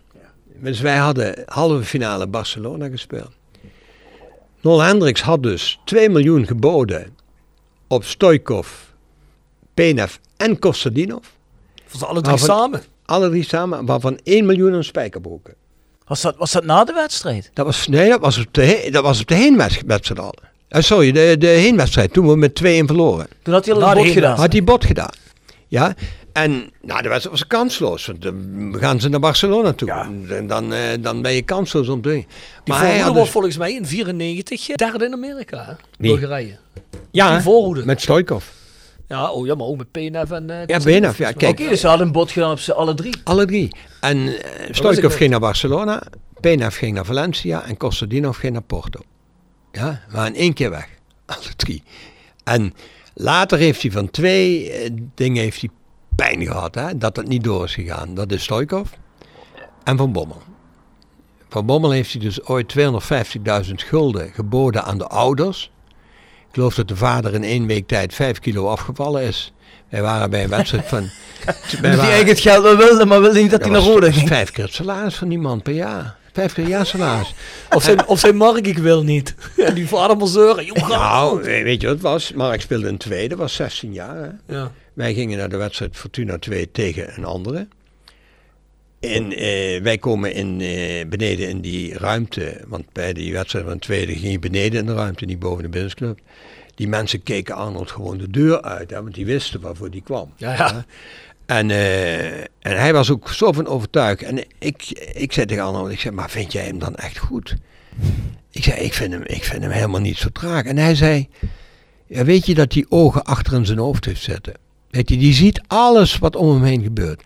Dat waren nou de dingen die hij zag. hè? Mhm. Dus hij bood dat. Maar ja, Van Bommel had toen net verkering al met Van Marwijk zijn dochter. Van Marwijk was trainer bij het eerste van Fortuna. En die heeft hem eroverheen gehaald. Toen Mark van Bommel, toen ik met hem toen hij pas weggestuurd was bij PSV. En de wedstrijd eh MVV Roda, Roda MVV, toen Roda zich redde via die kopbal van eh, Werker. Werker. Toen zat ik eh, naast Van Bommel en, en Van Marwijk. En toen had ik het daarna met hem erover. Ik zeg, godverdikkie, zegt hij. Nou zegt hij, dat verhaal, zegt hij, van die... Ik zie nog mijn vader en moeder, een hele week lang. Ja, hoe ze bezig waren met de dingen. En hij heeft op het randje gestaan om te gaan, om naar orde te komen. Hij heeft echt op het randje gestaan om naar orde te komen. En, eh, maar ja, dat is niet, door, niet doorgegaan, ja. ja. Maar de, Oh, ja. dat ging over de. Dat heb ik, heb ik nooit gehoord. Dit verhaal heb ik ook nog nooit gehoord. Oh, ik kan je, ik kan je... Ik, ik heb wel begrepen dat hij ook wel het spijt heeft gehad dat hij Lama en TOT niet meteen gekocht had van eh Anderlecht. TOT ben ik bij geweest in Anderlecht. Toen spelen een vriendschappelijke wedstrijd. En eh, ja, Martin Vergeel was helemaal weg van TOT al. Die had hem al eerder gezien. En wij zijn daar. eh, Henk Maassen is erbij op dat moment. En we lopen naar buiten toe met, eh, ik meen Van der Stok was, was de voorzitter. We lopen naar buiten toe. En Arnold zit dus te praten met die voorzitter. En dan moet je hem ook, staat te praten, loopt te praten. Dan moet je hem ook helemaal alleen laten. Moet je daarna ook niks vragen wat er precies gebeurd is. Maar wij hadden een beetje de indruk, hij heeft het rondgekregen. Ja? En eh, Martin was dus echt de dag daarna hartstikke, oh TOT komt, hè, want dat is een geweldenaar. Hè? Ja, Eh, eh, de, beste, de beste ooit vind ik persoonlijk. Ah, als speler, eh, zeg ik van, die had, die had echt het allemaal mee. Maar TOT was het middenveld, was natuurlijk echt een briljante speler. En ja, dat ging toen niet door. En ja, dat is heel spijtig geweest. Ja, en toen is hij uiteindelijk wel gekomen. Hm. En toen is hij naar Twente gegaan. Ja. En later weten we wat met hem gebeurd is. Huh? Hoe triest ook. Nee, maar dat Ja. is. eh, maar jij zei TOT, dan, nou ja, voor mij, kijk, ik heb die hele periode Arnold meegemaakt. Hè, dus eh, de periode die ik had overzien waren het die twee: Ja. Stoikov en Van Bommel. Ja. Ah, volgens mij moeten wij ooit eens een keer een, eh, een, een podcast doen met Servé over eh, transfers waar jullie nooit iets van af wisten. Die hadden kunnen gebeuren. Hè? Dat is volgens mij zijn wel, volgens mij eh, wel anderhalf uur mee vol. Hè? dat zijn wel de leuke verhalen, ja. ja. Van, van ik Bommel, ja. Van z- z- ik kan nu niemand zich voorstellen, Mark van Bommel bij Roda. Ja. En er zijn wel een soort mensen die zeggen, ja, zou Roda hem niet als trainer hebben moeten halen. Nee, dat zou niet kunnen. Omdat Van Bommel gewoon een eisen stelt aan spelers die je als Roda, eh dat kun je Roda niet bieden. Nee, maar ik Eh, denk hij ook- zou er qua leeftijd uitstekend aan voldoen als jonge trainer. Maar Van Bommel stapt niet in op het niveau van toen een Jan Reker of een, of een Stevens. Die dus nog een weg voor zich hebben. Maar dat is toch eigenlijk niet slim, hè? Toch?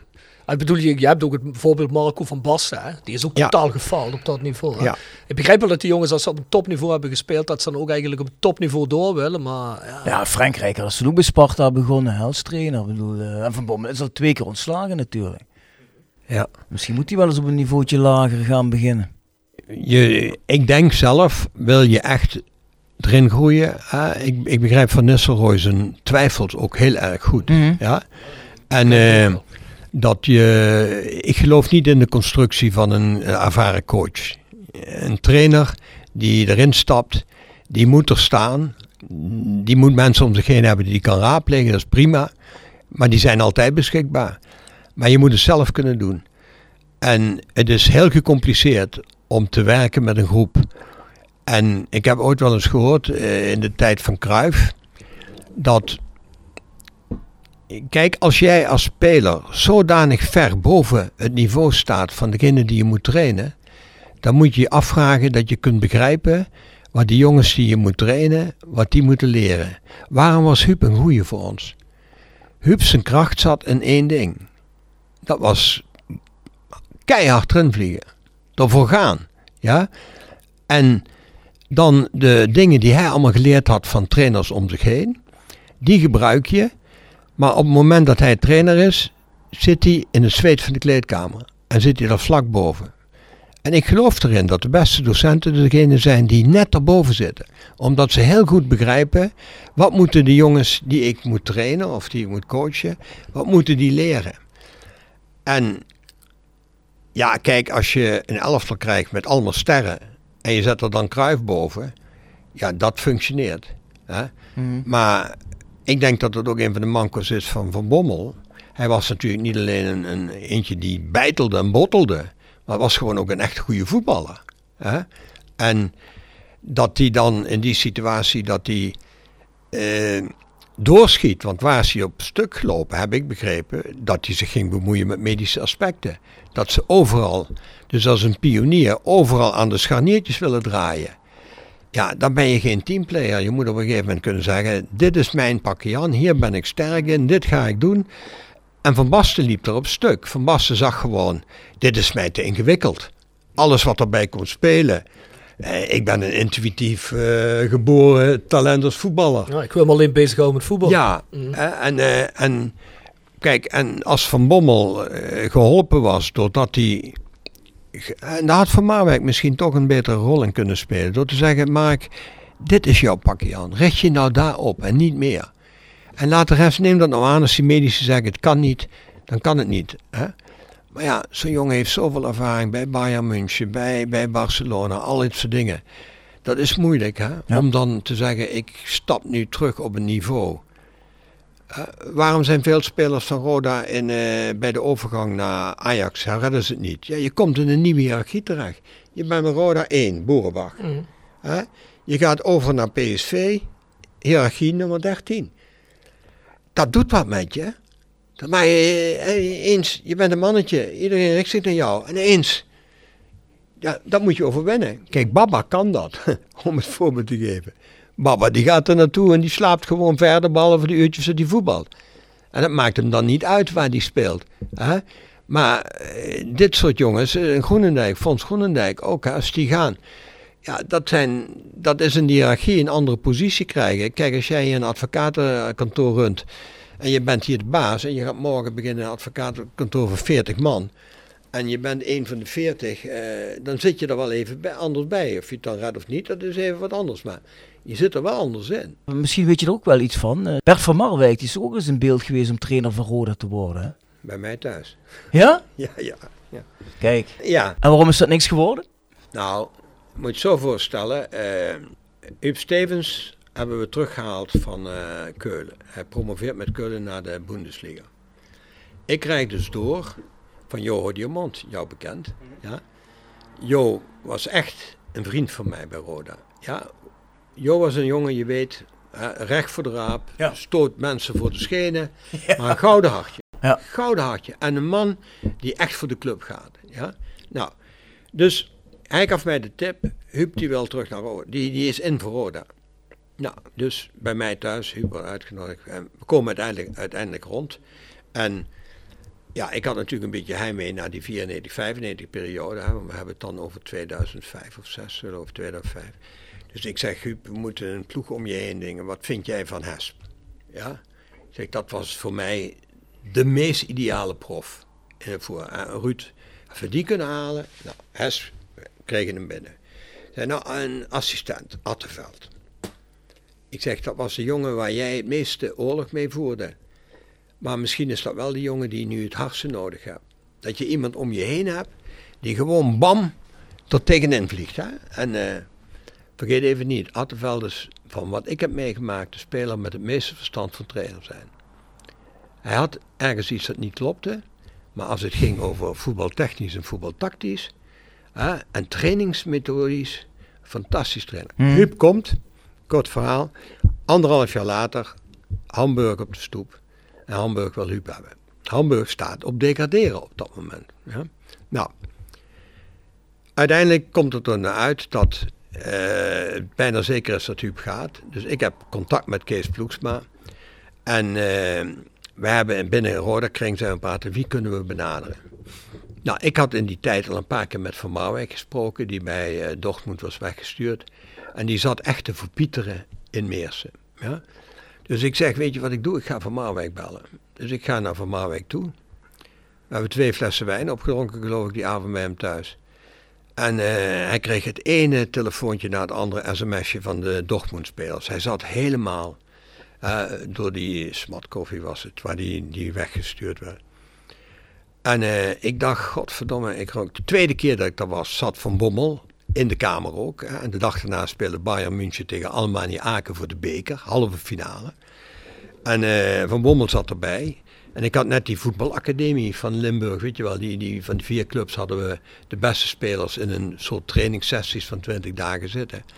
En Mark, en uh, van Mark zei, zou dat niks voor Mark zijn om dat, om dat te gaan leiden? En zo, dat soort dingen. Ik zeg, ja maar Bert, ik wil jou graag bij Roda hebben. Hm? En nou, zei hij, ik moet erover nadenken, maar ik had het gevoel van, ja, Dortmund, die, heeft een, die wil naar een hoger niveau toe. Dat, dat wordt toch heel moeilijk. Maar hij hield de boot. Hij zei niet nee. Dus ik op een gegeven moment, uh, Kees belde een paar dagen later en zei: Nou, met Hamburg, dat gaat door. Ja? Ik zei: Kees, doe me een lol. Vrijdagavond, hè, we zaten geloof ik op woensdag en donderdag. Ik nodig Van Marwijk bij mij uit, met Huub Narings en Henk Maassen, bij mij thuis. En bel jij dan om half tien op. En dan zeg je dat het met Huub rond is, met Hamburg. Ja? Dus wij zitten bij mij thuis, telefoon gaat en, uh, en, uh, en, en uh, Kees Ploegsen zegt, zijn we dus rond. Huub gaat naar, naar Hamburg toe. Dus ik ga terugzitten. Ik zeg, Bart, we hebben geen trainer meer. Hè? Huub is nu rond. Ik heb net gehoord van Kees Ploegsma. Nou, nou moeten we het van jou weten. Ja, en toen was het nee. Toen zei hij, natuurlijk hij naar vlak daarna. ja, er, zijn, er zijn zulke leuke anekdotes hè, te vertellen. Hè. Als ik de verhaal van Huub Stevens even doortrek, de volgende ochtend, Huub zou dus naar Hamburg gaan, voor de, nou, naar Berlijn gaan. Zo was het. De voorzitter van HSV moest tegen Hertha spelen in Berlijn. En ik lig in bad, want we zouden om half tien, tien uur een persconferentie hebben in het stadion, dat Huub wegging. Ik lig in bed, bad, telefoon, Kees. En die begint daar, godverdomme, zegt hij, ik wil nog maar wat met die Stevens te maken hebben. Ik zeg, wat is er aan de hand, Kees? Hij gaat niet. Hij gaat niet, zegt hij. Hij vertrouwt die voorzitter niet. Ja? Ik zeg, wat zegt hij? Ik ga niet. Dan moet je nagaan, die Duitsers betaalden toen weer 1,2 miljoen euro. Huub Stevens is... Voor de trainer? Voor de trainer, ja. Huub Stevens is de duurste trainer geweest van Roda in het bestaan. De eerste periode en de tweede periode. En heeft de club nooit iets gekocht. Ja. Want toen hij naar Schalke ging, leverde het 1,2,5 miljoen mark op. En hij had toen voor ongeveer 9 ton aan salaris verdiend, gulden.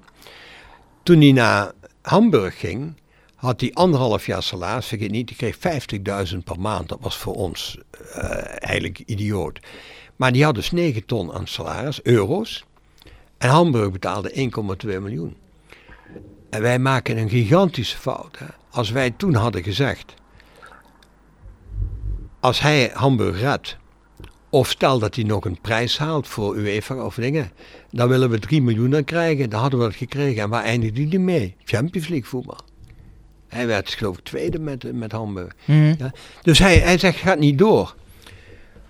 Godverdomme. Dus ik pak de telefoon meteen, ik bel Huub op. En ik zeg, waar ben je? Ik zit in de auto, zegt hij, ik ben onderweg naar Roda, ik ga trainen. ik ga trainen, zegt hij. Ik zeg, Huub, dat meen je toch niet? Ik zeg, we hebben een persconferentie. Ja? En uh, ik zeg, maar oké, als jij, als jij uh, niet weg wilt, dan ga je niet weg. En, en ik merkte aan hem dat dat, ja, kijk, je leert Huub kennen, hè? dat is een impulsieve bonk. Die, die, die flapt er dingen uit. En als hij een dag heeft kunnen nadenken, dan komt hij weer. Dus ik zeg tegen hem, Huub, ik zeg, luister, ik kom naar het stadion toe. En ik moest natuurlijk ook nadenken over, wat, wat moet je nou doen? Ik zeg, je stap in de auto, ik kom naar het stadion. Ik ga naar het stadion toe, ik ga naar hem toe. Ik zeg, kom, we gaan even zitten. Ik zeg tegen hem, inmiddels was de pers al daar, hè. Ik zeg, luister Huub, weet je wat we doen? Jij gaat vandaag toch naar Berlijn toe, want dat zou hij dan doen, naar die voorzitter. Dan ga je met hem praten. Zeg je, kijk hem in de ogen. Als je aan het eind van het gesprek hetzelfde gevoel houdt, sta je morgen vroeg hier gewoon weer te trainen. En als je zegt van nee, het is toch veranderd, dan ga je. En zo ging die. Hij ging dus naar Berlijn toe. Hij heeft die voorzitter gesproken.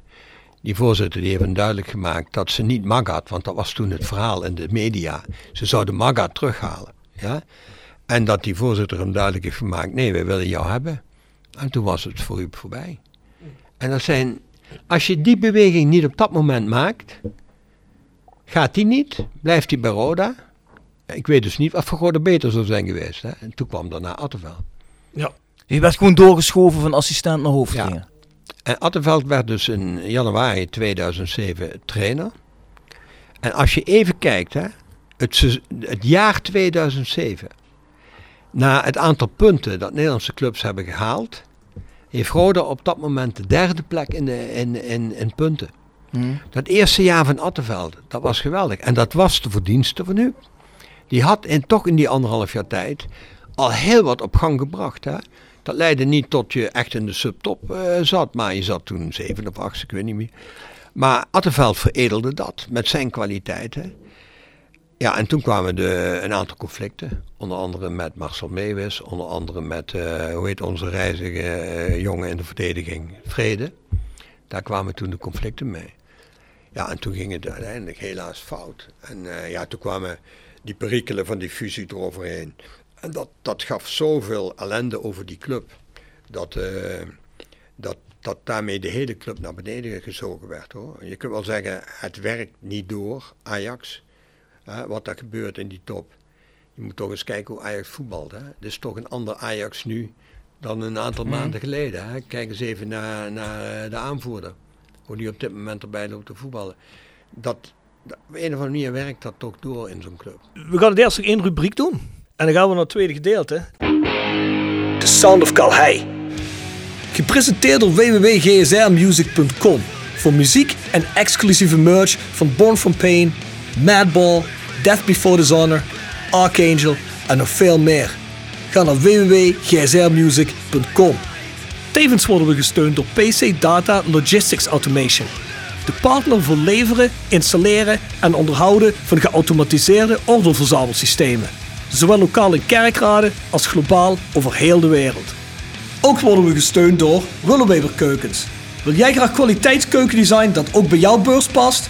Ga dan naar Willeweber Keukens in de Boebegraaf 1 te Schinveld. Tevens gesteund door CellExpert. Versterk je immuunsysteem met vitaminesupplementen van CellExpert. Roda supporters krijgen 15% korting met de kortingscode RODA15.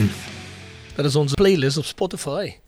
Dan vragen we al onze gasten om daar een song in te zetten. Dus een favoriete song, een favoriete band. Ja, ik heb een favoriete song. en die heb ik wel vaker eh, in interviews benoemd.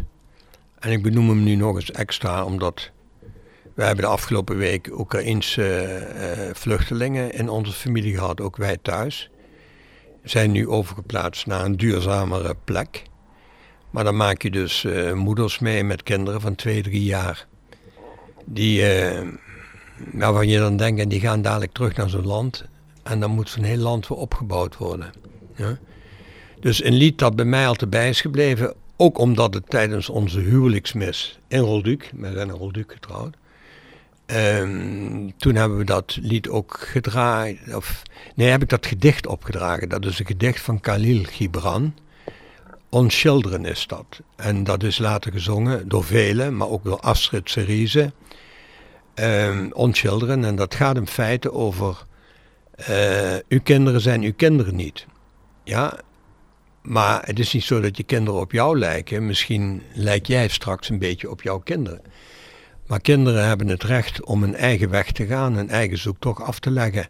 En daar zit ook de, de evolutie in. Ja, en ik vind dat in dat gedicht van Khalil Gibran, ik moest er toen van Mirjam op zeggen, die weer meer filosofisch is ingesteld dan ik ben overigens. Eh, of die filosofisch ingesteld is en ik die helemaal niet, zo moet ik het zeggen.